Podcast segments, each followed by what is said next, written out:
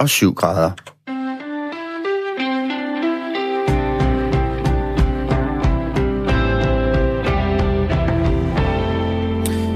Nyd hende. Denne skabning er en lille, sød og uskyldig en, som vi ved bare venter på den rigtige anden gear eller tredje gear svinger forbi.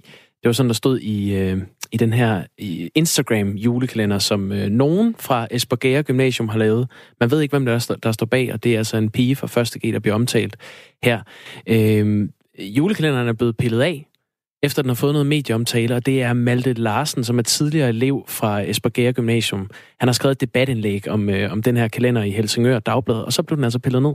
Ham taler vi med lidt senere. Ja, på en morgen, hvor vi gerne tager sms'er også om det her med at være ny på en ungdomsuddannelse og blive hervet og udstillet, som det på en eller anden måde har været tradition i mange år. Det er noget af det, der bliver ryddet op i, og vi vil gerne have nogle af de erfaringer fra tidligere. Der var en lytter fra, som har gået på gymnasiet i Års i Nordjylland, mm. hvor der var tradition for, at pigerne øh, altså dem, der gik i anden og tredje G, listede ind i omklædningsrummet og stjal undertøjet fra de der førsteårselever, og hang det på juletræet, sådan at de selv kunne gå kommando hen og hente det øh, efterfølgende, mm. mens alle sad og klappede og grinede. Den slags øh, traditioner har der været mange steder. Vi vil gerne have erfaringerne, så vi øh, måske på en eller anden måde kan blive lidt kloge på, at ja, hvad er det, der skal ryddes op i, og hvad, hvad, hvor er det, at vi skal have lidt tykkere hud i 2019. Ja, så skal vi også tale om øh, utilfredse borgmestre, der er utilfredse med utilfredse borgere. Der er altid plads til utilfredse mennesker. Hvis du, ikke kan, ja, hvis du ikke kan lide lugten i bageriet, så må du gøre det bedre selv. Det er en opfordring fra en række borgmester, der mener, at øh, flere af kommunens opgaver sagtens kunne klare sig borgerne, hvis de gad hjælpe til, i stedet for bare at brokke sig. Og vi taler med en af de borgmester, der er utilfreds med de utilfredse borgere om et øh, kvarters tid. Russerne er olympiske mestre 2018. Russia scored 99.1333. They knew immediately ja, ja, ja. Rusland, de vinder og vinder, når de ellers er med. Men øh, når der skal holdes OL næste år, vinter-OL i 2022, så kommer du ikke til at se det russiske flag på nogen af pointtavlerne, og dermed heller ikke i medaljestatistikkerne.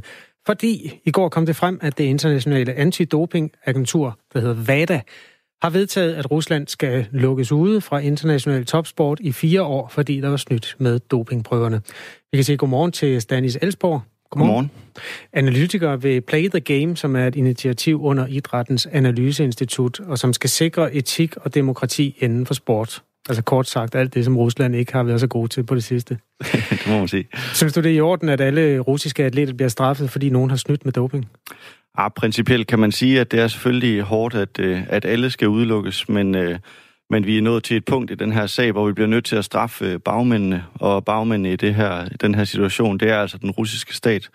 Og den eneste måde, vi sådan rigtig kan komme det til livs, det vil være en, en udelukkelse, men det er jo så ikke det, der er sket i går. Hvis du, der hører Radio 4, har holdninger til det her, så husk, at man altid kan skrive en sms ind til os. Altså R4 først. Ja, så til 1-4-2-4. Øh, nu, nu siger du, øh, Stanis Elsborg, at Rusland altså ikke er blevet udelukket, for eksempel ikke fra EM i fodbold. Hvor, hvorfor er det ikke sket? Jamen, det er fordi, at uh, VADA vurderer, at uh, EM i fodbold til sommer, det ikke er en, det, de kalder en stor international sportsbegivenhed. Og uh, der falder EM altså ind under det, som VADA karakteriserer som en regional begivenhed. Og det betyder altså, at Rusland kan stille op til EM til sommer under eget flag, og vi kan også høre den russiske nationalmelodi. Ja, og vi skal jo ovenikøbet øh, boks med dem på et tidspunkt i parken, så øh, det er der jo mange, der glæder sig til. Øh, er det en hård straf, Rusland har fået, så hvis vi kigger på altså OL og vinter-OL? Det er en øh, hård straf historisk set fra VADA. Altså, vi har ikke set VADA være ude med så hårde straffe førhen. Men når man kigger den lidt efter i sømne, så øh, fremstår den mere og mere for at være lidt mildere, end man måske gerne vil have den til at være, fordi der sådan set er opstået en masse smuthuller i den her anbefaling, som er blevet vedtaget i går. Altså hvis der kommer en russer, som er enormt god til at svømme, og som ikke er dømt for noget som helst, hvad gør han, hun så? Ja, så får øh, den russer, og det er netop en af de smuthuller, der er, så får russeren lov til at stille op til de olympiske lege næste år i Tokyo, som det øh, IOC kalder en neutral olympisk atlet. Og det var sådan set samme scenarie, vi så i øh, Rio 2016 og Pyeongchang 2018. Så der er ikke, øh, der er ikke ændret meget i forhold til, til de foregående OL. Det er så, når man taler øh, OL, men det er jo også uvist, om, om den her straf også gælder for holdsport, og om Rusland kommer til at blive udelukket fra VM i fodbold i Katar i, øh, i 2022. Hvorfor øh, er der uklarhed omkring det? Ja, det er jo fordi, at anbefalingen i virkeligheden er lidt vag i sine formuleringer, og nu er det så op til hele det her efterspil, hvordan det kommer til at udspille sig i forhold til VM i fodbold 2022. Men øh, meget tyder jo på, at der også er en kattelem åben her for russerne, at man øh, umiddelbart vil kunne stille op med det, der så bliver et helt neutralt hold. Og det var faktisk også det, vi så til vinter i, i Sochi, hvor Rusland fik lov til at, at stille op med et øh, russisk ishockeylandshold. Og nu tyder det på, at øh, der er en kattelem for, at man kan stille op som et helt neutralt land, og øh, nu er det så FIFA, der skal til at, at se på, øh, på VADAs anbefalinger og tage en stilling til, øh, hvilke muligheder Rusland skal have. Gusev igen. Ned til Capri som afslutning, og så vinder de kampen. Russerne er olympiske Jeg tror, folk, der er glade for ishockey, synes, det er meget fedt, at Rusland er med, for det er jo en stor magt. De vandt 4-3 i øh, den her OL-finale. Det gjorde Rusland så ikke, men det gjorde... Hvad hed de så? Ja, de olympiske atleter fra Rusland. Men, øh, okay, ja. var det dumt. Hvorfor synes du ikke, at øh, russiske atleter skal have lov at stille op under neutralt flag? Jamen, det synes jeg ikke, fordi at øh, vi er nået til et sted i den her sag, som jo i virkeligheden har stået på siden 2014, og da det blev afsløret af nogle meget, meget modige whistleblowers fra Rusland om, at der foregik den her statsstyrede doping. Det blev efterfulgt af nogle, af nogle øh, meget tydelige rapporter, som klart og tydeligt viste, at det var statsstyret i Rusland, der stod bag det her dopingprogram. Og øh, derfor synes jeg, at nu, nu er det tid til, at man straffer bagmændene, og det er altså øh, den russiske stat med Putin i spidsen. Og for at man kan komme det til livs, så bliver vi nødt til at have en øh, total udelukkelse, fordi ellers så har historien jo nu vist os, at, øh, at dopingsønderne sådan set vil fortsætte. For vi så jo i forbindelse med OL i 16 og Pyeongchang 2018, at der ville være russiske atleter, der stadig havde øh, fingrene i den forkerte kagedås. Stanis Elsborg, vil du ikke lige hjælpe os med at forstå øh, sådan, øh, perspektiverne? Fordi hvis man har fulgt med sådan lidt løst i, på sportssiden, så ved man jo også, der har også været problemer med amerikanske øh, atleter på et tidspunkt. Der var jo et, en hel ungdomsovergang, der nærmest blev arbejdet med i laboratorierne. Er man helt sikker på, at Rusland er værre end alle andre? Man er, nej, man skal have tungen lige i munden her, fordi det er klart, at der er jo masser af andre, der er blevet taget for doping igennem tiden. Både amerikanske atleter, europæiske atleter, øh, danske og nordiske atleter er jo også blevet taget for doping igennem tiden. Men her er det altså en, øh, formentlig den største forbrydelse i sportshistorien, nemlig et statsstyret doping med over 1000 atleter, der har været med i det her dopingprogram.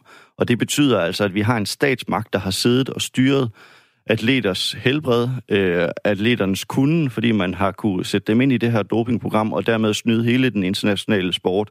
Og derfor er det en, øh, en hårdere øh, sag, når, vi, eller en, Øh, hvad hedder det, en, en lidt mere slem sag, når vi kigger på den isoleret set i forhold til, når en enkelt atlet i et respektivt land bliver taget for doping.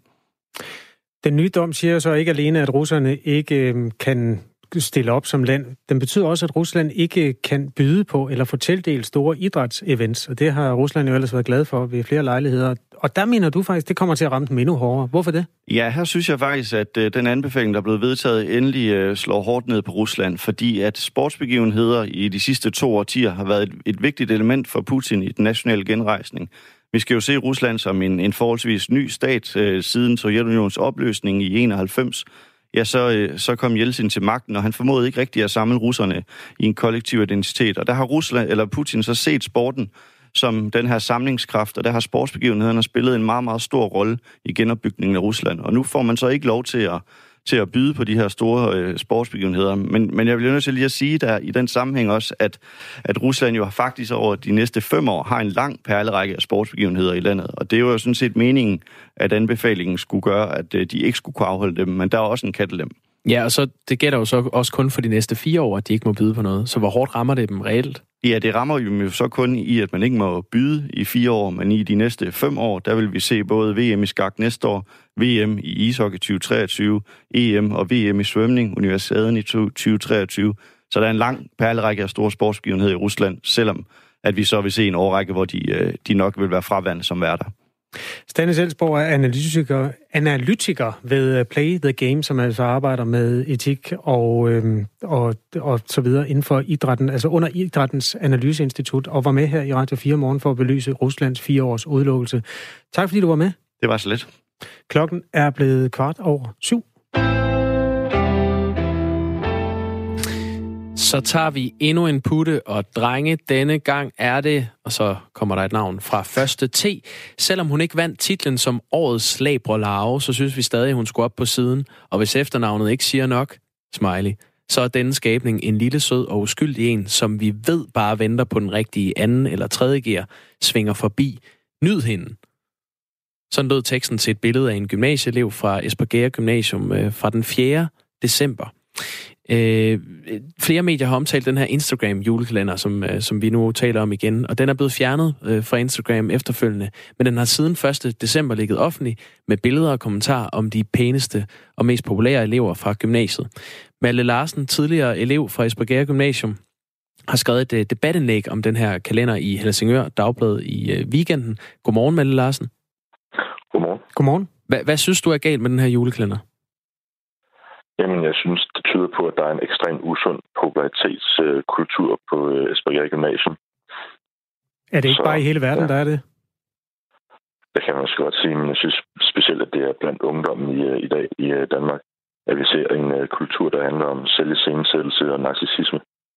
Og du har tidligere gået på EG, som det hedder, Esbjerg Gymnasium, og der fandt du også ja. kulturen forarvende. Hvor- Hvordan det? Jamen, øh, jeg synes, der var en meget negativ øh, atmosfære, og folk de var meget arrogante og gik ekstremt meget op i øh, status og udseende og så videre. Øhm, I stedet for at være en god ven og så videre. Så I det, den her Instagram-kalender blev, blev slettet efter, der kom noget medieomtale. Den havde jo øvrigt 873 følgere og var, var offentlig. Men da den blev slettet, så stod der øverst på profilen slettet, da HG er for sensitiv, og du øh, gik på HG, altså Helsingør Gymnasium, øh, efter du skiftede fra Esbjerg Gymnasium. Hvad, hvad tænker du om, øh, om sådan en udmelding? Jamen, øh, altså, jeg synes ikke selv, at jeg er sensitiv over for det her. Øh, jeg har egentlig bare kritiseret det her, at der er den her status øh, og popularitetskultur på Esbjerg Gymnasium. Øh, det er jo ikke noget med mit gymnasium at gøre som sådan. Det er jo kun mig, der har skrevet artiklen, skal jeg jo også lige sige. Ja, hvordan, Øh, men hvordan, hvordan er det, du kan mærke det på os, og, og væ- være lidt konkret omkring, hvordan kan du mærke den der øh, popularitetskultur, den, den findes på Esbjerg Gymnasium? Jamen, der er jo alle de her fænomener her. Øhm, først og fremmest noget som den her julekalender, som er blevet beskrevet. Men også noget drenge pigemiddag, hvor 3G'erne på øh, Esbjerg Gymnasium, de selektivt udvælger de første G'er, de synes ser bedst ud. Og så får disse første G'er så lov til i den her forbindelse at deltage i en af 3G'ers, 3G'ernes fester, imens ingen andre først bliver lov at deltage, øh, da de ikke ser godt nok ud. Og et andet eksempel, det kunne så være Esbjerg Gymnasiums nomineringer af første G'er øh, ved skolestarten, og der bliver de ligesom de første, de flotteste første G'er øh, kåret. Øh, det er sådan nogle ting, der er. Og derudover så er der også et gymnasieblad, øh, hvor der blandt andet skrives om nogle af gymnasiets elever, og det er så ofte kun de populære elever, der bliver beskrevet her. En ting er, at man kan tale om en kultur, som er galt på et gymnasium, og du synes også, der er nogle ting galt med vores tid i det hele taget. Men lige præcis det at lave en kalender, hvor man viser nogle billeder af dem, som man synes er pænest. Hvorfor er det, at det overskrider en grænse i forhold? Altså, det er jo ikke selviscenesættelse. Det er jo ikke eleverne selv, der, der har lagt de billeder frem. Altså, hvad er det, der lige præcis er galt med den kalender, synes du? Jamen, det er jo fordi, at det lige præcis øh, belyser den her kultur, der handler om ens udseende og ens øh, status og popularitet, øh, hvilket jeg synes at, øh, er meget overfladisk at have en øh, kultur, der er bundet i det. Men der kommer ugeblade hver eneste uge, som er bygget på lige præcis det, du beskriver der. Det er jo ikke noget, man sådan kan afskaffe. Nej, men det er jo så også lidt noget andet, når det er på øh, et gymnasie. Øhm, jeg synes ikke, at øh, gymnasiet de er til for at promovere visse elever på baggrund af deres udseende. Øhm, det synes jeg ikke. Nu, nu er den jo øh, blevet lukket ned, den her øh, kalender. Er, er du tilfreds med det? Ja, det kan man nok godt sige. Altså, mit mål, det var egentlig ikke at øh, få den her kalender lukket ned. Mit mål, det var at belyse den her øh, kultur, som, øh, som jeg forholder mig meget kritisk overfor. Men jeg synes, at det er positivt, at den er blevet lukket ned. Vi, vi hørte tidligere her i Radio 4 Morgen fra rektor på Esbjerg Gymnasium, som var sådan lidt øh, vævende omkring, hvad man kunne gøre, fordi man ved ikke, hvem det er, der står bag den her kalender. Så han øh, havde tænkt sig at, at tale øh, ud til alle elever på et morgenmøde og, øh, og ligesom sige, hvad, hvad man synes fra gymnasiets side om, om sådan et initiativ. Men det vil ikke få nogen konsekvenser for dem, der står bag. Synes du, det burde have det? Nej, det synes jeg egentlig ikke, men jeg synes, det er rektoren, han skal, han skal tage afstand fra den her kultur. Øhm, øh, ja, og, og fortælle de her elever, øh, at det altså ikke er noget, der burde foregå på et gymnasium. At det skaber en meget usund kultur. Det sagde altså Malte Larsen, som er tidligere elev fra Esbjerg Gymnasium, senere Helsingør Gymnasium, og som har skrevet et debatindlæg om den her nu lukkede Instagram-kalender i Helsingør Dagblad. Ja, det er ikke der kalenderen er, men det var der debatindlægget var. Malte Larsen, tak fordi du var med i Radio 4 morgen. Det var slet. Ja, vi ville selvfølgelig meget gerne have spurgt øh, de her unge, der, øh, der fik deres billede på Instagram øh, som en del af juleklænderen, hvad de selv synes om det, men de er ikke vendt tilbage på vores henvendelser. Til gengæld er der nogle af Radio 4 Morgens lyttere, der er vendt tilbage på vores henvendelse. For eksempel, altså spørgsmålet om, hvorvidt øh, du har oplevet noget lignende på en ungdomsuddannelse, og i øvrigt også, hvad du mener om den her type, hvad skal man kalde det, mobning? Nej, øh, øh, ritual? Ja. Mm. Anyway, øh, der er Tommy, der skriver, nu må det stoppe med alt det krænkelseskultur. Det stikker helt af. Mm. Den skulle jo komme, den sms. Den, den, man har hørt det før. Nu må det bare stoppe. Vi vil også gerne have historier om andre steder, hvor det er foregået, hvis det er foregået, altså en mobning fra de større elever til øh, af de mindre elever. Ja, jeg fortalte jo tidligere om, hvordan det, det var på min folkeskole, hvor øh, jeg husker det som om, der var sådan nogle øh, nomineringer, da, når 9. klasserne gik ud, hvor de kårede årets babe og årets røv og sådan nogle ting. Ja, og du blev nummer... Jamen, jeg har ikke løftet sløret for det. Jeg har inviteret dig til at kigge et, øh, et smut herover. Ja, det kommer ikke til at ske. Nej, det er ondt. SMS til, er altså til 1424. Du skriver R4 først, og så sender du den altså til 1424. Ja, du skal jo ikke spørge, hvad din kommune kan gøre for dig. Du skal spørge, hvad du kan gøre for kommunen. 21 borgmestre har over for TV2 Lorge til kendegivet, at de er trætte af borgere, der kræver og kræver. Og de mener egentlig, måske man skulle tage sneskoven eller plæneklipperen frem og give et nap med i stedet for. Godmorgen, Henrik Rasmussen, borgmester for de konservative i Valensbæk Kommune. Nå, jeg er lige lidt usikker på. Er der hul igennem til Nej. Henrik Rasmussen? Det er der ikke. Ved du så tager jeg så lige en øh, sms, Kasper. Vi, vi nåede knap nok at, uh, at invitere lyttere til at skrive ind, og så har vi fået en her. Hvis man har Instagram og tager selfies, er man jo selv en del af problemet. Problemer uh, er nok mere, at det gør ondt på se mig-generationen, hvis de ikke bliver set og ikke er en del af, af den der juleklænder, vi lige har omtalt. Ja, selfies er kommet for at blive. Øhm, spørgsmålet er jo, om det kan kalde en selfie, når du tager et billede af en anden, eller når du tager et mm af vedkommendes billeder og lægger op i en eller anden offentlig tilgængelig julekalender og gør det til genstand for noget seksuelt, som det også er der. Og det kan det jo faktisk teknisk set ikke, altså kaldes en selfie. Det var sjovere, hvis vi var dybt uenige om det her, Jakob Grosen, fordi det, det der, der plejer at komme sådan lidt mere diskussion om tingene, men på en eller anden måde kan jeg mærke, at vi kommer ikke op og slås om det her.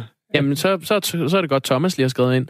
Hejsa, jeg mener, det er en tåbelig debat. De unge spejler sig i de voksne Miss Universe, er lige blevet kåret. Vi uddeler priser til højre og venstre for det ene og det andet. Øh, brøb, brøb, brøb, brøb, og det er fuldstændig naturligt. Kom nu videre med venlig hilsen, Thomas. Så han var uenig. Jamen, det var da øh, opløftende. Kan komme. Der er plads til alle slags synspunkter, fordi det er som regel i krydset mellem dem, at der sker et eller andet spændende. Øhm, du skriver R4 og et mellemrum, og så sender du den til 1424. Så tror jeg, at Saft med det lykkedes at få lov til at sige godmorgen til Henrik Rasmussen. Godmorgen, du. Godmorgen. Borgmester for de konservative i Vallensbæk Kommune. Det handler om, at øh, 21 borgmestre over for TV2 Løje har tilkendegivet, at de er trætte af borgere, der bare kræver og kræver, og mener måske, man skulle gøre lidt mere i stedet for. Hvorfor? Ej, nu var det ikke sådan, øh, det var. Øh, nu var undersøgelsen i forhold til, om, om man i virkeligheden kunne, kunne forestille sig, at civilsamfundet hjalp mere til i samfundet. Og det var egentlig det, jeg tror, at rigtig mange af os har svaret på og sagt, ja, det kan man faktisk godt. Ja, og så har jeg bare strammet den journalistisk, for er det egentlig ikke det samme? Nej, det synes jeg ikke helt, det er. Jeg synes jo virkelig om, at hvert fald noget af det, som jeg har sagt, det er, jeg synes jo godt, at i stedet for hele tiden at sige, at det er kommunen, der skal gøre det ene, og kommunen, der skal gøre det andet, synes jeg desværre, at vi har fået lidt en kultur til en gang med, at man også kan måske sige, hvad kan jeg selv gøre for i virkeligheden, og, og sørge for, at jeg faktisk bor i et rigtig godt samfund. Ikke? Hvad er det helt konkret, du mener, borgerne skal lette røven med? Nej, jeg mener i hvert fald, at øh, vi har måske fået en lidt let øh, klagekultur, kan man sige. Altså nogle gange, så kan man sidde og sige, hvordan kan det være, at, at man skynder sig ind og foran tasterne på internettet og sidder og skriver på Facebook om, hvor færdigt det er, at naboen ikke har fået ryddet sne. Øh, det er jo så der, hvor jeg siger, der kunne man måske engang godt selv lige sige, hvis man er ressourcestærk og har overskud til det, gå ind og så hjælpe øh, naboen, og så sørge for, at der faktisk er ryddet og pænt, når man kommer ud. Det er bare, bare et eksempel i virkeligheden. Ikke? Er du medlem af sådan en lokal gruppe, der hedder noget med postnummeret, og så, øh, og så byens navn? Sådan et sted, hvor folk de skriver om, øh, at naboen har for meget, øh, spiller for høj musik, eller har glemt at rydde sne? Ja, det sker der. Jeg sidder og holder lidt øje med nogle af de ting. Ja. Hvis borgerne ikke er tilfredse med kommunens arbejde og den måde, I gør tingene på, kunne I så ikke også tage det som en opfordring til at gøre det bedre? Jo, jo, det gør vi skam også, og vi lytter selvfølgelig også til, til den kritik, som der er. Men det her er et spørgsmål om, at øh, man kan jo godt gøre, gøre hverdagen god og dejlig for, for rigtig mange mennesker. Og i stedet for at være sur på dem, som, øh, som faktisk prøver at nå hele kommunen rundt, øh, når det sner, øh, i stedet for at skille dem ud, når de kommer, så at være glade og sige, at de faktisk har været på arbejde fra kl. 3 og 4 om morgenen. Men de kan simpelthen ikke have nået hele kommunen inden kl. 7 om morgenen. Øh, samtidig, det er simpelthen øh, uladsiggørligt. Så må du ansætte nogle flere borgmester. Ja, det er jo så et spørgsmål om ressourcer, og det må jeg jo så sige, at jeg vil hellere bruge pengene på, på de varme hænder. Jeg vil hellere bruge pengene på at, øh, at sikre, at der, der er plejer, der er omsorg de steder, hvor der skal være det. Og der må jeg sige, der kommer snevrydning i min optik i hvert fald i anden række. Hvis... Og jeg, det her er en uudtømmelig kasse, det her, ikke? Henrik Rasmussen, nu, nu taler du om, om snerydning i Vallensbæk Kommune, men det kunne så også være skrald, for eksempel. Hvis man som, øh, som borger er skidetræt af, at det bare flyder med skrald over det hele. Og hvorfor, hvorfor gør kommunen ikke noget ved det problem? Vil du så sige, jamen, så går der ud og, og samler skrald sammen selv til borgerne? Jamen, jamen nogle steder, i, øh, det kan godt være en grundejerforening, at der er en masse, som tager initiativ til en gang imellem at tage skrald dag, og så tager man ud, og så hjælper man faktisk med at sørge for, at sit lokalområde ser rigtig fint ud. Det er jo ikke ens betydende med, at kommunen ikke skal, skal komme og tømme skraldespanden, og skal sørge for, at der er de skraldespande, som, som borgerne ønsker. Men nogle gange så kniver det lidt med at ramme de der skraldespande. Altså, vi har jo eksempler på, at, øh, at når vi har været på vores stationsår mellem 7 og 8 hver morgen, så allerede kl. 10, så ligner det noget. Man kan i hvert fald ikke se, at vi har været der.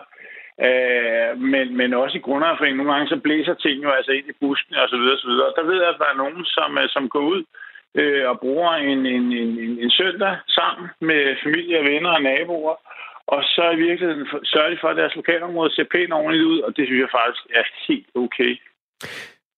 Diskussionen om, hvorvidt man skal putte sit skrald i papirkurven, den er overstået. Det skal man bare gøre. Og så er der nogen, der ikke gør det, og så tager man den derfra. Men så kan man sige... Men der... så er det jo ikke kommunens skyld. Nej, og den skal du heller ikke have på dig, Henrik. Men øh, det, jeg tænker, det er, der er jo også diskussioner om, for eksempel, jeg kan huske en sådan selvtægtssag i Aarhus, øh, i den sydlige ende af Aarhus, hvor, nogle, øh, hvor skolebestyrelsen simpelthen sagde, det ligner lort inde i klasselokalerne. Vi tager simpelthen en weekend, så går vi op og maler det. De har ikke fået lov, de har ikke fået godkendt malingen, de gjorde det bare. Er, er det der, vi er? Øh, synes du, den slags er godt, eller er det over en eller anden form for streg i forhold til, hvor velfærdssamfundet skal være? Jeg synes, der er en stor forskel på, om man bliver inviteret til at gøre noget, eller man, man skal hurtigt komme over grænsen til, at man laver herværk. Hvis man maler på noget, som, som ikke er ens eget i en farve, som ikke er aftalt en ejer, så er det jeg tror, det var hvidt. Jeg tror, det var hvidt, og jeg tror, det blev pænt. Jeg tror bare ikke, de gad at ja. vente på, at en eller anden øh, kommunal ja. proces, den kunne godkende, at det, øh, det blev gjort. Så gjorde de det bare.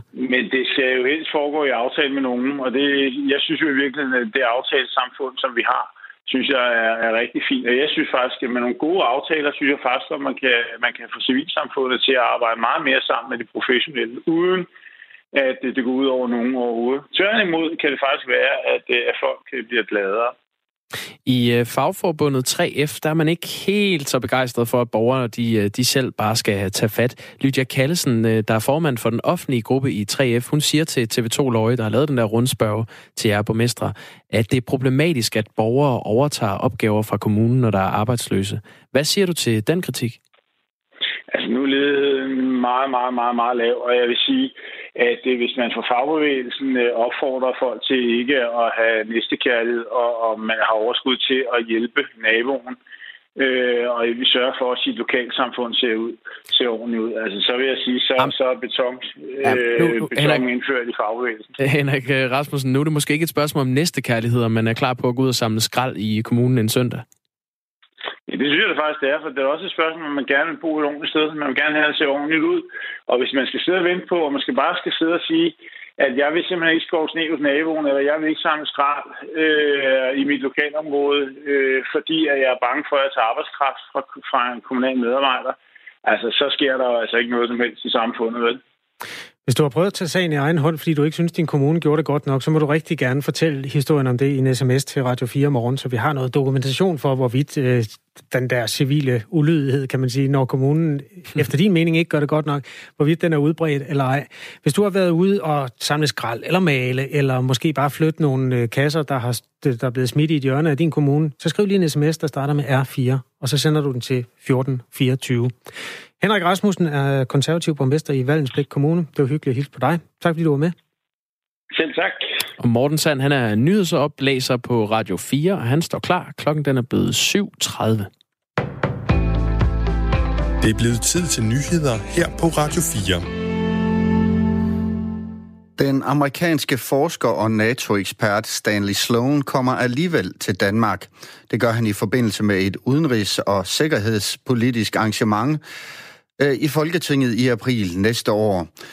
Det er arrangeret af Nordic Dialogue, et uafhængigt debat- og mødeforum, hvor Preben Bonnen er politisk faglig chef.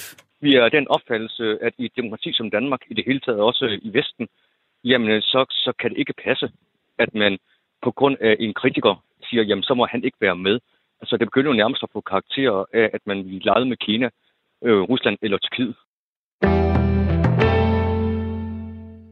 Det vagte røre, da Energinet for to år siden præsenterede de første tanker om at opføre en stor kunstig ø på Dogger Banke. Formålet var at lave en central for havvindmølleparker, der kunne tilsluttes øen. Nu i gang sætter Klima-, Energi- og Forsyningsministeriet så reelle undersøgelser af, om det er muligt at lave energiøer. Det sker efter, at finansloven er på plads. Her blev der afsat 65 millioner kroner til at påbegynde arbejdet. Det fortæller Klima-, Energi- og Forsyningsminister Dan Jørgensen. Der er jo et kæmpe potentiale her. Vi anslår, at man i fremtiden vil kunne lave en energiø med tilknyttet vindmøllekapacitet på 10 gigawatt. Øh, til sammenligning har vi i dag 1,7 gigawatt øh, i Danmark. Så, så det er et enormt øh, projekt. Øen, eller øerne, har været på flere politikers ønskeliste længe, og det er der også en del af regeringen og støttepartiernes forståelsespapir, at regeringen skal undersøge muligheden for at opføre en e- energiø senest i 2030. Det vurderes, at det samlede projekt vil koste op mod 300 milliarder kroner, men det er dog ikke planen, at staten skal have pengene op af lommen, hvis de første undersøgelser er positive. En endelig plan vil sandsynligvis skulle involvere både private Danmark og flere andre europæiske lande. Et militærfly med 38 mennesker ombord er styrtet ned, sådan lyder vurderingen fra det chilenske luftvåben i en pressemeddelelse natten til i dag dansk tid. Det skriver nyhedsbureauet DPA. Der er tale om et transportfly af typen Hercules C-30, der mandag kl. 16.55 lokaltid lettede fra den sydchilenske by Punta Arenas. Demokraterne vil i dag komme med en udtalelse om anklagepunkter, som de vil rejse mod USA's præsident Donald Trump i en rigsretssag. Det siger formanden for det udenrigsudvalget i repræsentanternes hus, Elliot L. Engel, til journalister natten til i dag. Det skriver The Washington Post.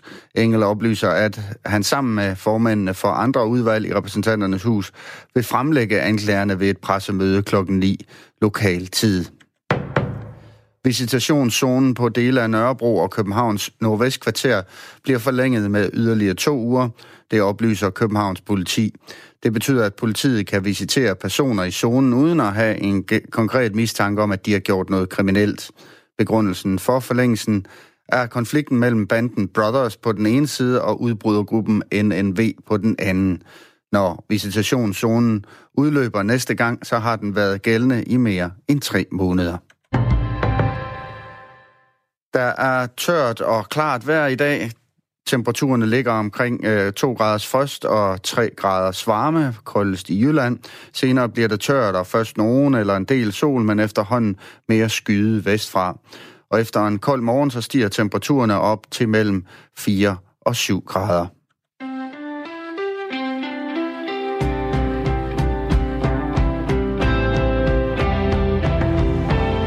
Apropos temperatur, så er der sms fra udkants Marius, som skriver, jeg er så træt af floskler med de varme hænder. En reference til Henrik Rasmussen, som er borgmester i Valdenflæk Kommune. Vi talte med ham før, hvor han snakker om, hvad han helst vil bruge penge på. Han vil gerne bruge dem på varme hænder. En kommune er en driftorganisation, og her hører sosuer sammen med traktorfører, indkøber, jurister, sagsbehandlere, und so weiter, og dem, der skovler sne, de har også varme hænder. ja. siger Marius. Udkants Marius. Øh, Jens skriver, hvis bistandsklienter konsekvent bliver aktiveret med kommunalt arbejde, så er problemet løst. Og problemet er, at øh, for det første, der flyder snavs og skidt og øh, affald, fordi nogen ikke kan ramme skraldespanden. Og så er der måske også nogle kommuner, der ikke er dygtige nok til at tømme dem. Og det er den diskussion, som i hvert fald øh, 21 ud af 24 borgmestre i hovedstadsområdet synes, øh, man skal vende mod sig selv. Hvis du synes, der flyder med snavs, så gå ud og samle det op for himlens skyld, ja. siger de. Hvad var det? Spørg ikke, hvad kommunen kan gøre for dig. Spørg, hvad du kan gøre for kommunen. Ja. Nå, Kasper, vi skal til en lille historie om verdens dyreste banan. Ja, tak. Det, øh, det handler om, at øh, i sidste uge der klæbede den italienske kunstner Mauricio Catalan en banan fast på en hvid væg med et gråt stykke gaffatape. Øh, det her det skete som en del af den øh, internationale udstilling Art Basel i Miami Beach i USA. Altså en helt almindelig gul banan med brune pletter, som var købt i et almindeligt supermarked i Miami, og så et stykke gråt gaffatape henover. Og det er der, hvor jeg personligt bliver så meget rentalist, at jeg siger, kunne der ikke være et eller andet kunstpoliti, der sagde, at det der det er simpelthen for dovent? Altså, da jeg gik i, i skole og lave sådan noget der, sådan en nødløsning med, har du lavet din planche om øh, drikkevand? Jamen, det banker man et eller andet sammen i al hast. Skulle det nu være kunst? Jamen, øh, men øh, historien er faktisk, at ham her, Mauricio Catalan, han har arbejdet på en prototype længe. Skulle han støbe den her banan i guld? Eller hvordan skulle den ligesom øh, udformes? Og så fik han den, ifølge sig selv, geniale idé, bare at købe en helt almindelig jeg, jeg tror ikke engang, den var økologisk, banan, og lige klippe den op på, på den her øh, øh, kunstudstilling. Ja, det er flot. Han kaldte sit værk The Comedian, altså komikeren. Og så lavede han det i tre eksemplarer, og nu bliver det genialt. De tre bananer har i den grad sat gang i den internationale kunstverden. De to første udgaver af The Comedian blev solgt for omkring 810.000 danske kroner til en fransk samler. Det er altså mange penge for to bananer. Ja, det er også mange penge for 20 bananer, hvis du spørger mig. Det kan du sige. Det, det, de er jo faktisk gået bananas. Uh. Nej, den kom lige til mig. Nå, i weekenden så, så kom uh, performancekunstneren David Datuna så på besøg på den her udstilling. Art performance. Art performance. It's art performance. It's art performance, siger han. Det her det, det er lyden af en video, som han har lagt på sin uh, Instagram-konto, David Datuna. Og han spiser bananen til 810.000 kroner. Han, han, han stiller sig op foran det her måbende publikum, der finder deres uh, smartphones frem for at filme det, og så står han og kører 810.000 kroner lige ned i løgneren. og det var en uh, uvurderlig banan. Og så siger han, it's the hungry artist, it's art performance, hvor til en uh, tilskuer meget passende spørger, what?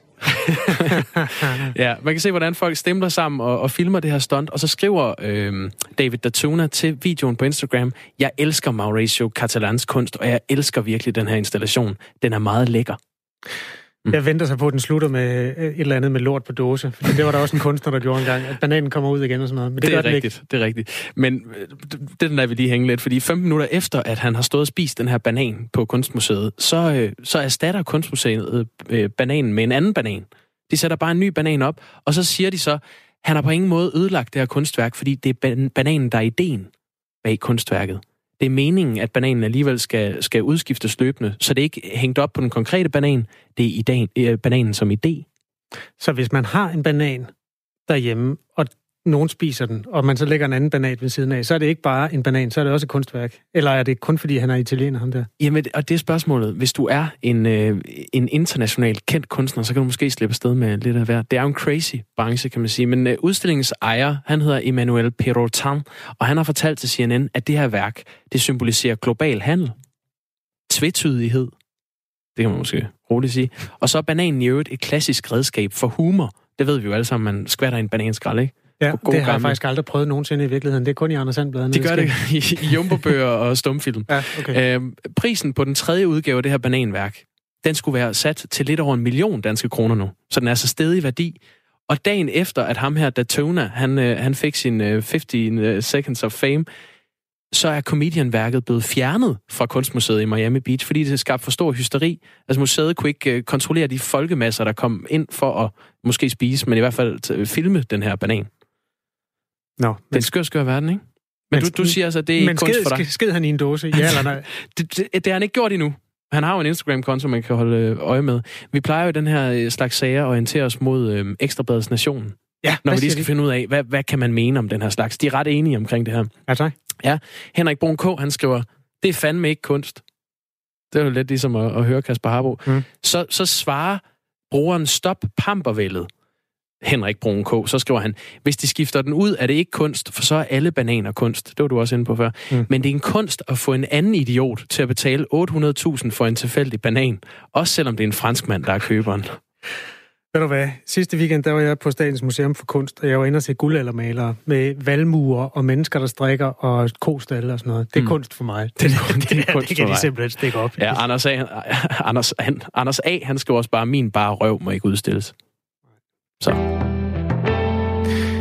Okay, øh, jeg tror, vi bliver nødt til at vende os mod noget andet, fordi der sker endnu vigtigere ting i Danmark. Det blæser, og nogle gange blæser det så meget, at de vindmøller, der skal forsyne os med strøm, producerer meget mere, end vi har brug for. Og konsekvensen af det er, at øh, Danske Energinet, der står for driften af energiinfrastrukturen, simpelthen slukker for møllerne, når det blæser for meget, fordi så er der mere strøm, der er brug for, fortæller TV MidtVest. Nu kan vi sige godmorgen til Signe Munk, som er klima- og energioverfører i SF. Godmorgen. Godmorgen. Lyder det bæredygtigt i dine ører, at der er simpelthen så meget blæsvejr, og dermed så meget vindstrøm, at øh, vi ikke har noget at bruge det til, og så slukker vi møllerne? Det viser jo i hvert fald, at øh, sammen med udbygningen af den vedvarende energi og øh, vind og sol, jamen der har vi også brug for at udbygge vores øh, distributions- og transmissionsnet, men også jo øh, føre alt den her gode grønne strøm både over i varmesektoren og i transportsektoren her i Danmark. SF har lige lagt stemmer til en ny finanslov, hvor der er afsat penge til en forundersøgelse af en ny havvindmøllepark, som Ørsted har foreslået at placere i Østersøen ud for Bornholm. Hvad er øh, bagtankerne der? Jamen, bagtankerne er, at øh, det vi kan se, der er fantastisk ved havvind, det er jo, at det er i grøn strøm, som er godt for vores øh, knæk af, eller vores, nedsætte vores udledninger af CO2, men det er faktisk også en, øh, en energikilde, som snart er støttefri. Grund til, at vi gerne vil udbygge den vedvarende energi og udbygge havvindmølleparker, er altså, at der er jo et stort potentiale i øh, udbygningen af havvind. Det kan vi også se på det internationale energiagenturs analyser af potentialet i havvind. Når vi så øh, vil lave en, en forundersøgelse, for eksempel af en energiø i Bornholm, og en energiø ude i Nordsøen, så er det jo faktisk fordi, at hvis man ligger en energiø i Bornholm, jamen, så vil man jo kunne distribuere el til for eksempel Polen og Sverige, men også i Sjælland, hvor vi faktisk har en dårlig forsyningssikkerhed i dag.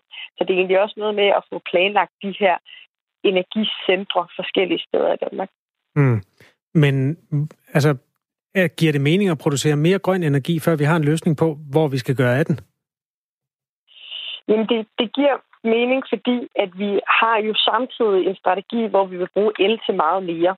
Altså lige nu, der arbejder vi jo også hårdt på, at man for eksempel i varmeforsyningen går over til øh, elvarmepumper. Både hjemme hos folk, som har et oliefyr i dag for eksempel, men jo også på vores store kraftvarmeværker, hvor vi i dag bruger biomasse. Og samtidig så arbejder vi jo også på at få udviklet det, vi kalder Power to X, hvor vi gerne vil sætte strøm til for eksempel øh, gas, og på den måde kunne lære øh, den vedvarende energi. Så vi har jo altså brug for mere øh, vedvarende energi, mere grøn strøm, men det, der jo er vigtigt, og som sagen her i dag viser, det er, at den, det, vi skal bruge det til, og distributionen af det, skal følge den, øh, den udbygning, vi også planlægger. Der er også mange mennesker, der har sådan en form for fjernvarme eller sådan noget, der, hvad skal man sige, trods alt er mere bæredygtigt end det, en sort energi, som, som oliefyr er. Altså, er, er, er du klar til at gå ud og... Det er jo lige præcis, ja, det er jo lige præcis i fjernvarmen, vi kan få de store øh, varmepumper ind også, fordi fjernvarme jo også tit hvis man får for et stort eh, kraftvarmeværk, er baseret på en biomasseløsning, så vi jo ikke mener er fremtiden. Så på den måde kan vi jo i hele varmeforsyning få, eh, få mere strøm ind øh, og få den grønne strøm ind. Så der er altså et, der er et stort potentiale her. Jeg hader det ord biomasse, for det betyder det er som regel bare træ. Hvorfor siger man egentlig ikke det? Biomasse er sådan en, en overordnet betegnelse, men du har helt ret, at det, der konkret kommer ind i de biomassekedler, som består i for eksempel et kraftvarmeværk, det er nemlig uh, træ. Ja. Øh, Signe Munk, vil du, vil du ikke lige en gang til at prøve at forklare, jeg, jeg synes, det er lidt uklart, hvordan det giver mening at bruge penge på at lave mere, når vi tydeligvis har en stor udfordring i forhold til, øh, til at, at, at, at fastholde den her energi? Mm. Altså man kan jo sige, også bare lige for at slå det fast, jamen, så er det jo ikke sådan, at vi taber penge på, at de her møller de bliver slukket. Der bliver jo på grund af det balancemarked, der er givet nogle penge til, øh, en pæs af penge til, til de vindmølleejere, øh, som må slukke deres vindmøller. Det der bare er, det er, at hvis vi ikke udbygger i det tempo, som vi også kan se, vi har behov for øh, strøm til, så kan man jo lige pludselig komme til at stå i en situation, hvor vi siger, at vi har fået rullet flere elbiler ud, vi har fået store øh, varmepumper i øh, varmeforsyning, men nu, fordi at vi ikke fik udbygget vores øh, både vindmøller og sol på land, men også vores havvind, jamen så kommer vi til at mangle grøn strøm. Og det vi bare kan se det store regnskab, som analyserne fra det internationale energiagentur viser, det er, at man kan forsyne hele verdens strømbehov med havvind, hvis man placerer dem de rigtige steder. Og samtidig er det altså også ved at være støttefrit at lave for eksempel havvind. Så derfor er min pointe, at vi har jo brug for den her grønne strøm. Problemet i dag, det er, at vi ikke får lidt det ordentligt over i transportsektoren, som vi har brug for at elektrificere, over i varmeforsyning, og så selvfølgelig, som vi påpeger, at der skal jo ske en udbygning af, det, af de kabler, vi har både øh, øh, i jorden og de højspændingsledninger, vi også får, øh, til at fordele øh, strøm på tværs af grænser. Så det skal gå i hånd i hånd. Jeg synes ikke, at den her udfordring er et argument for, at vi skal stoppe på udbygning af den, af, af, af den vedvarende energi og havvindmølleparker. Fordi det er jo det, er jo altså mm. det vi har brug for øh, i en fremtid, hvor vi skal have en grøn øh, strømforsyning. Og når det bliver sagt transportsektoren, så betyder det i virkeligheden også biler, og det betyder øh, tog, og det er jo ikke alle steder, der er sådan nogle øh, master, der gør, at øh, togene kan køre på strøm. Og på den måde er der altså noget infrastruktur, som skal opdateres. Mens man diskuterer det her, blandt andet internt i SF, som jo meget gerne vil være et rigtig grønt parti, så sker der jo stadigvæk det, at når det ikke blæser nok, så kører vi strøm fra tyske atomkraftværker, og der bliver brugt olie, og der bliver, jeg ved ikke engang, om der bliver brugt kul, men der bliver i hvert fald brugt alt muligt sådan sort energi, som det hedder. Hvorfor er det egentlig, at det er gået så langsomt i en tid, hvor der er bygget så mange vindmøller, med at, øh, at den grønne energi kan, kan overtage? Jamen udfordringen er jo, at øh, sol og vind øh, strøm, det bliver jo produceret sådan lidt ujævnt, fordi det afhænger af, hvornår solen skinner og hvornår, strøm, øh, hvornår vinden blæser. Og det gør jo, at vi på en eller anden måde skal have en sikring for, at når vi så ikke har vind nok i vindmøllerne, jamen så skal herre for Jensen jo stadigvæk hjemme i stuen kunne tænde deres øh, lamper og få lys og tænde fjernsynet eller tænde radioen. Øh, og derfor har vi jo brug for, at man handler og kan handle øh, øh, energi på tværs af, af, af landegrænser. Og der er det jo bare sådan, at Tyskland er ikke lige så langt i deres udbygning af vedvarende energi, som vi for eksempel er. Det vi jo så arbejder på sideløbende med øh, udbygning af, af vedvarende energi, som er en det, vi kalder sådan lidt en svingende øh, energikilde, det er at få lavet det her power to x og få lagret energien, øh, så vi kan gemme den, og på den måde jo øh, have, have, have en produktion, som passer bedre til det forbrug, vi har. Og det er noget af det, vi blandt andet også har sat forskningsmidler af til i, øh, i den seneste forskningsreservepulje, hvor vi afsatte en grøn milliard til forskning. Signe Munk, øh, klima- og energiordfører i SF. Jeg afbryder lige. Øh, Kjeld Flarup, en af vores lyttere, har skrevet ind, og det er, det er et forslag, han gerne vil have dig til at forholde dig til.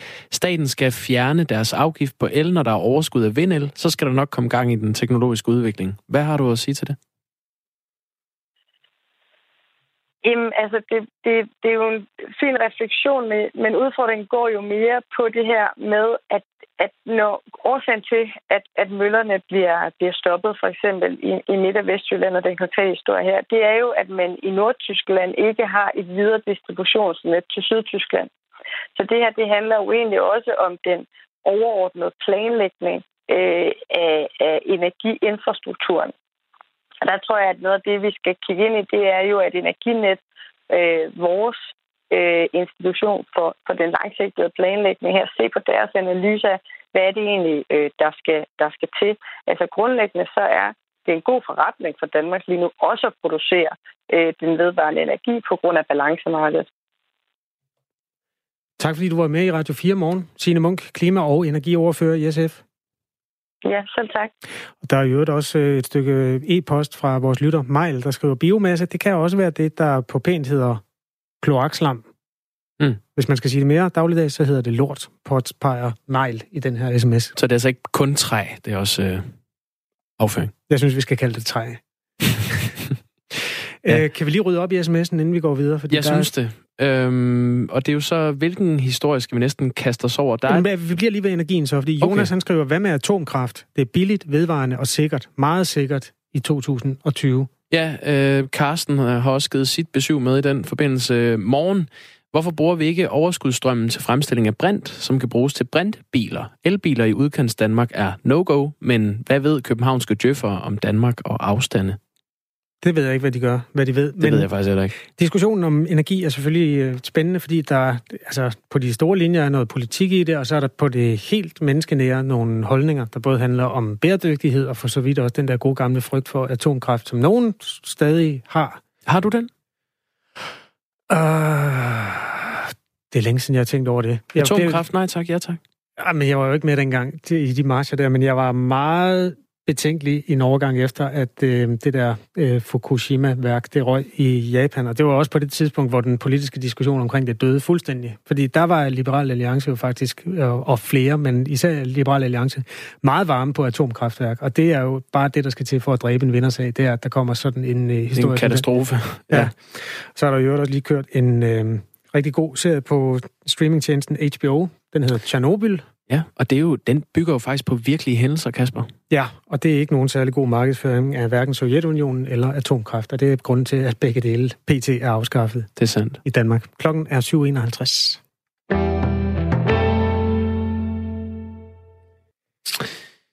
Ja, hvad skal vi? Nu skal vi lige øh, videre her, Kasper. Hvad kaster vi os over? Vi kaster os over... Øhm... Skal vi en tur i drikkevandet, tror du? Det kunne vi da gøre. Øh, minister overrasket over pesticidfund. Vi skal beskytte vores grundvand bedre. Det stod i øh, Ingeniøren den 12. november efter en ny opgørelse fra forskningsinstitutionen GEOS viste, at der er pesticidrester i 63 procent af prøverne i det program, som øh, overvåger grundvandet. Og i fredags der lød advarslen så til os danskere fra Danmarks Radio. Ministerie for stor kritik øh, for pesticidkontrol af vores vand. Se om dit drikkevand er berørt. Det var bare en af de overskrifter, der kom, fordi en rapport fra Rigsrevisionen kritiserer Miljøministeriet for ikke at sikre, at der gribes ind, hvis øh, niveauet af, pesticider, altså det vi kalder sprøjtemidler i grundvandet, bliver for højt. Godmorgen, Hans Jørgen Albrechtsen, professor ved Institut for Vand- og Miljøteknologi på øh, Danmarks Tekniske Universitet. Ja, han er den tavse, stærke type, som på en eller anden måde er røget ud af vores telefonsystem. Det var en skam, men øh, det, det, fordelen er, at du kan nå at læse oplægget en gang til. Det var saftsus med langt. Altså, øh, forhistorien er, at der er fundet pesticider, og så er der nogle kommunikationsveje, som ikke er gået, som de skal. Ja, præcis. Øhm, og det er så Miljøministeriet, der får kritik af Rigsrevisionen for ikke at, at sikre, at der bliver grebet ind, hvis øh, niveauet af, af sprøjtemidler i vores grundvand, det, det er for højt. Så tager vi chancen og siger godmorgen, Hans Jørgen. Jamen, godmorgen. Hans Jørgen Albrechtsen, professor ved Institut for Vand og Miljøteknologi på øh, DTU, Danmarks Tekniske Universitet. Du ved en masse om, øh, om det danske grundvand og, og drikkevand og de her sprøjtegifte, øh, eller pesticider, som det også bliver kaldt. Og så, øh, så har du været med til at, at kigge på nogle af de her alarmerende rapporter. Er der nu så mange fund af, af sprøjtegifte, der hvor vi bor efter drikkevand, at det er en udfordring at finde rent drikkevand til os? Jamen, det begynder at nærme sig, at det faktisk er en, en alvorlig øh, udfordring. Øh, de her seneste tal, der er kommet i den rapport fra GEOS, øh, den viser jo, at det her generelle overvågningsprogram af, af grundvandet, at der er det faktisk to tredjedel af de boringer, med, hvor man analyserer for pesticider, man faktisk finder nogen. Og hvis man kigger på de der drikkevandsboringer, hvor vi ligefrem indvinder grundvandet til at lave drikkevand af, jamen der er det altså over 40 procent nu, hvor man faktisk øh, finder pesticider. Og øh, til rapporten det, der viser, at det faktisk er 11 procent, som overskrider øh, grænseværdien. Og hvorfor er det et problem? Der er virkelig øh, tryk på. Jamen, det er et problem, fordi at vi netop drikker vores grundvand øh, og, og har sådan set en, en, en simpel behandling af det, så vi fjerner ikke pesticider sådan, som, som udgangspunkt. Og øh, det er jo også sådan, at øh, det grundvand, det bliver det andet ja, i grundvandet, og det vil sige, meget af det er under de marker, hvor der faktisk bliver dyrket, så derfor er der en, en tæt kobling mellem, hvad der bliver spredt ud på de marker, og, og hvad det så er, der kommer ned i grundvandet. Og når det er et problem for, at, at der er en overskridelse, eller en grænseværdi, så er det fordi, at der sådan set er et politisk ønske om, at man ikke vil have pesticider i vores, vores drikkevand. Vi har en meget lav grænseværdi på, på 0,1 mikrogram per, per liter, og det er altså meget lavt, øh, og den blev fastsat helt tilbage i 89, øh, også på EU-niveau. Og det var dengang et udtryk for, at man kunne analysere ned til den grænseværdi. Så, så den grænseværdi viser sådan set lidt, at politisk set vil man bare ikke kunne måle pesticider i vores, vores, øh, vores drikkevand, og så heller ikke i vores grundvand. Og, og det, at, at vores drikkevand er så rent, at det kan drikkes efter en ret, øh, som du kalder det, en simpel behandling, det er altså særligt i forhold til, øh, til andre EU-lande, som typisk får deres drikkevand øh, øh, behandlet øh, øh, og foretaget en rensning af vandet, inden det bliver sendt ud til, til forbrugerne. Er det, er det ikke korrekt? Jo, altså, der altså vi, vi behandler bestemt også, også, også, vi behandler bestemt også vandet i, i, i Danmark, inden det bliver pumpet ud til forbrugerne, men vi har ikke nogen øh, bestemte behandlingstrin for at fjerne pesticider. Og det er selvfølgelig en anden situation, end, end hvis vi snakker øh, Tyskland eller Frankrig, hvor man også indvinder øh, vand fra, fra floderne, hvor der er meget højere koncentrationer af pesticider. Der er det helt standard, at man simpelthen har nogle rensningstrin, som fjerner pesticider. Præcis, og, og her, nu, her nu, der er der altså øh, konstateret sprøjtegifte i, i dele af vores drikkevand i Danmark. Hvad, hvad kan vi gøre ved det? Jamen altså, vi kan jo øh, begynde at øh, indsætte nogle rensningstrin øh, for at fjerne de her pesticider. Men jeg synes faktisk, at vi har et, et problem, fordi nu er det så udbredt, som det er. Og der er rigtig mange forsyninger, der sådan lidt står og siger, hvad, hvad skal vi gøre for det? Og, og øh, er der nogle teknologier, som rent faktisk kan løse det her problem? Og ja, vi ved, der er teknologier i, i resten af verden, i, netop i forbindelse med overfladevand, men, men kan vi implementere det til, til, til danske situationer, hvor vi ikke har kloring i vandet efterfølgende? Vi har en meget hårdt vand med vores øh, kalkundergrund. Så, så der er også en usikkerhed om, vi kan indføre de der øh, teknologier. Og rent faktisk er der også nogle af de teknologier, man har prøvet af, som godt nok kan fjerne et af de stoffer, der bliver fundet meget hyppigt, nemlig det, der hedder DMS, men det er til gengæld meget dyrt. Øh, og så er det, hvis man, hvis man bruger den teknologi, man er nødt til at bruge den, jamen så vil vores vandpris øh, stige betragteligt. Så jeg synes sådan set, at vi har brug for, at vi laver sådan en samlet national indsats på at skaffe et overblik, lave et teknologisk øh, beredskab, der ligesom fortæller os, hvad for nogle teknologier er relevante, hvad for nogle kan bruges, hvad koster de at bruge, og, og for den sags skyld, hvad er de miljømæssige konsekvenser af at bruge dem, så man får et klart beslutningsgrundlag for at sige, jamen, er det den vej, vi skal gå, eller skal vi gå i en anden retning, hvor man måske begynder at, at give dispensationer for, at man overskrider øh, grænseværdi. Hans Jørgen Albrechtsen, øh, vi har nogle aktive lyttere her i Radio 4 morgen, og en af dem har skrevet ind øh, sådan her. Niveauet af pesticider i drikkevandet er langt under, hvad der er sundhedsmæssigt farligt. Vi går nemlig efter nul-tolerance, hvilket lukker sunde værker. Ny teknologi, eller nyere teknologi betyder flere fund, og dermed færre værker. Alting er farligt. Det er et spørgsmål om, hvor meget man ønsker. Øh, kan du anerkende den pointe fra Radio 4 Morgens lytter, som ikke har underskrevet sig? Jamen altså, det er jo, det er jo fuldstændig rigtigt, at den lave grænseværdi, den er et udtryk for, at, øh, at man simpelthen ikke vil, vil hosle med, hvad det er for en, en konversion, der er. For det, den er meget, meget lavere end, øh, end en, en toksikologisk grænseværdi. Og man kan jo se det ved, at hvis man sammenligner med, hvad det er for nogle koncentrationer, som er tilladt i vores fødevarer, altså, og det gælder både dem, vi spiser og dem, vi drikker, de ligger som regel 100 eller måske også nogle gange 1000 gange højere end grænseværdien for vores drikkevand. Så på den måde er jeg sådan set enig i, at der er ikke grund til, at der bliver panik over, at vi ikke kan drikke vores, vores drikkevand, hvis det er, der bliver påvist øh, pesticider i, i, i ens lokale vandværksboringer. Øh, øh, og, og, og det kan også være, at det er okay, at man overskrider grænseværdien lidt. Men jeg vil bare sige, at der er en politisk beslutning, som siger, at vi har den her grænseværdi, og den, den øh, står man altså rimelig hårdt på. Og det er simpelthen som udtryk for, at vi vil ikke acceptere, at der er pesticider i vores, i vores grundvand. Det sagde øh, Hans Jørgen Albrechtsen, øh, professor ved Institut for Vand og Miljøteknologi på Danmarks Tekniske Universitet. Tak for det. Ja, tak.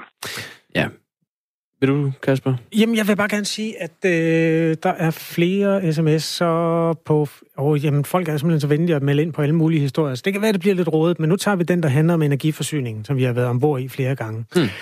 Skal vi nu ikke lade være med at lade et teknologisk tilbagestående kraftværk bag 80'ernes politiske jerntæppe og et atomkraftværk placeret på en af de degenologiske mest aktive zoner med jordskælv og vulkanudbrud og tsunamier være sammenlignelige med de forhold, vi har i Danmark. Atomkraft, ja tak, mener Christian, som er... Kan du gætte hans erhverv? Ja, jeg kan læse det. Han er fysiklærer. ja, øhm, og det er der, jeg bliver lidt var... rolig faktisk, fordi der er nemlig rigtig mange mennesker med forstand på fysik, som er enormt trygge ved øh, atomkraft. Og så er der så alle de andre forhold, som gør sig gældende, når noget springer i luften. Tre miløen, Tjernobyl og sådan noget, som handlede om nogle andre ting. Mm. Nu spurgte jeg dig jo før, og jeg synes ikke rigtigt, du svarede. Nu kan jeg jo spørge dig igen efter Christian, han har givet dig en forelæsning. Atomkraft, ja tak eller nej tak? Jamen, jeg er jo bare den, der gør som flertallet med sådan nogle ting. Jeg, kan simpelthen, jeg er simpelthen ikke gammel nok til at, at tage beslutninger om noget, der er så stort. Og hvis du ikke er, så er jeg slet ikke. Nej, det er jeg glad for at høre. Mm. Atomkraft er et emne, som jeg er helt sikker på, at der ligger nogle grundlæggende holdninger til det i Radio 4 Morgens lytterskare. Hvis du har lyst til at blande dig, så gør du det bare. Du skriver R4 og et mellemrum og din holdning, og så sender du den ind til 1424. Og jeg kan sige allerede nu, jeg kan mærke, at det er et emne, som vi skal diskutere, eller behandle journalistisk på et tidspunkt, fordi jeg synes, der er så mange øh, gode principielle diskussioner i det, og så i øvrigt også en masse gode øh, ja, referencer til verdenshistorien. Helt klart. Klokken den øh, nærmer sig 8. Morten Sand, han står klar med et øh, nyhedsoverblik.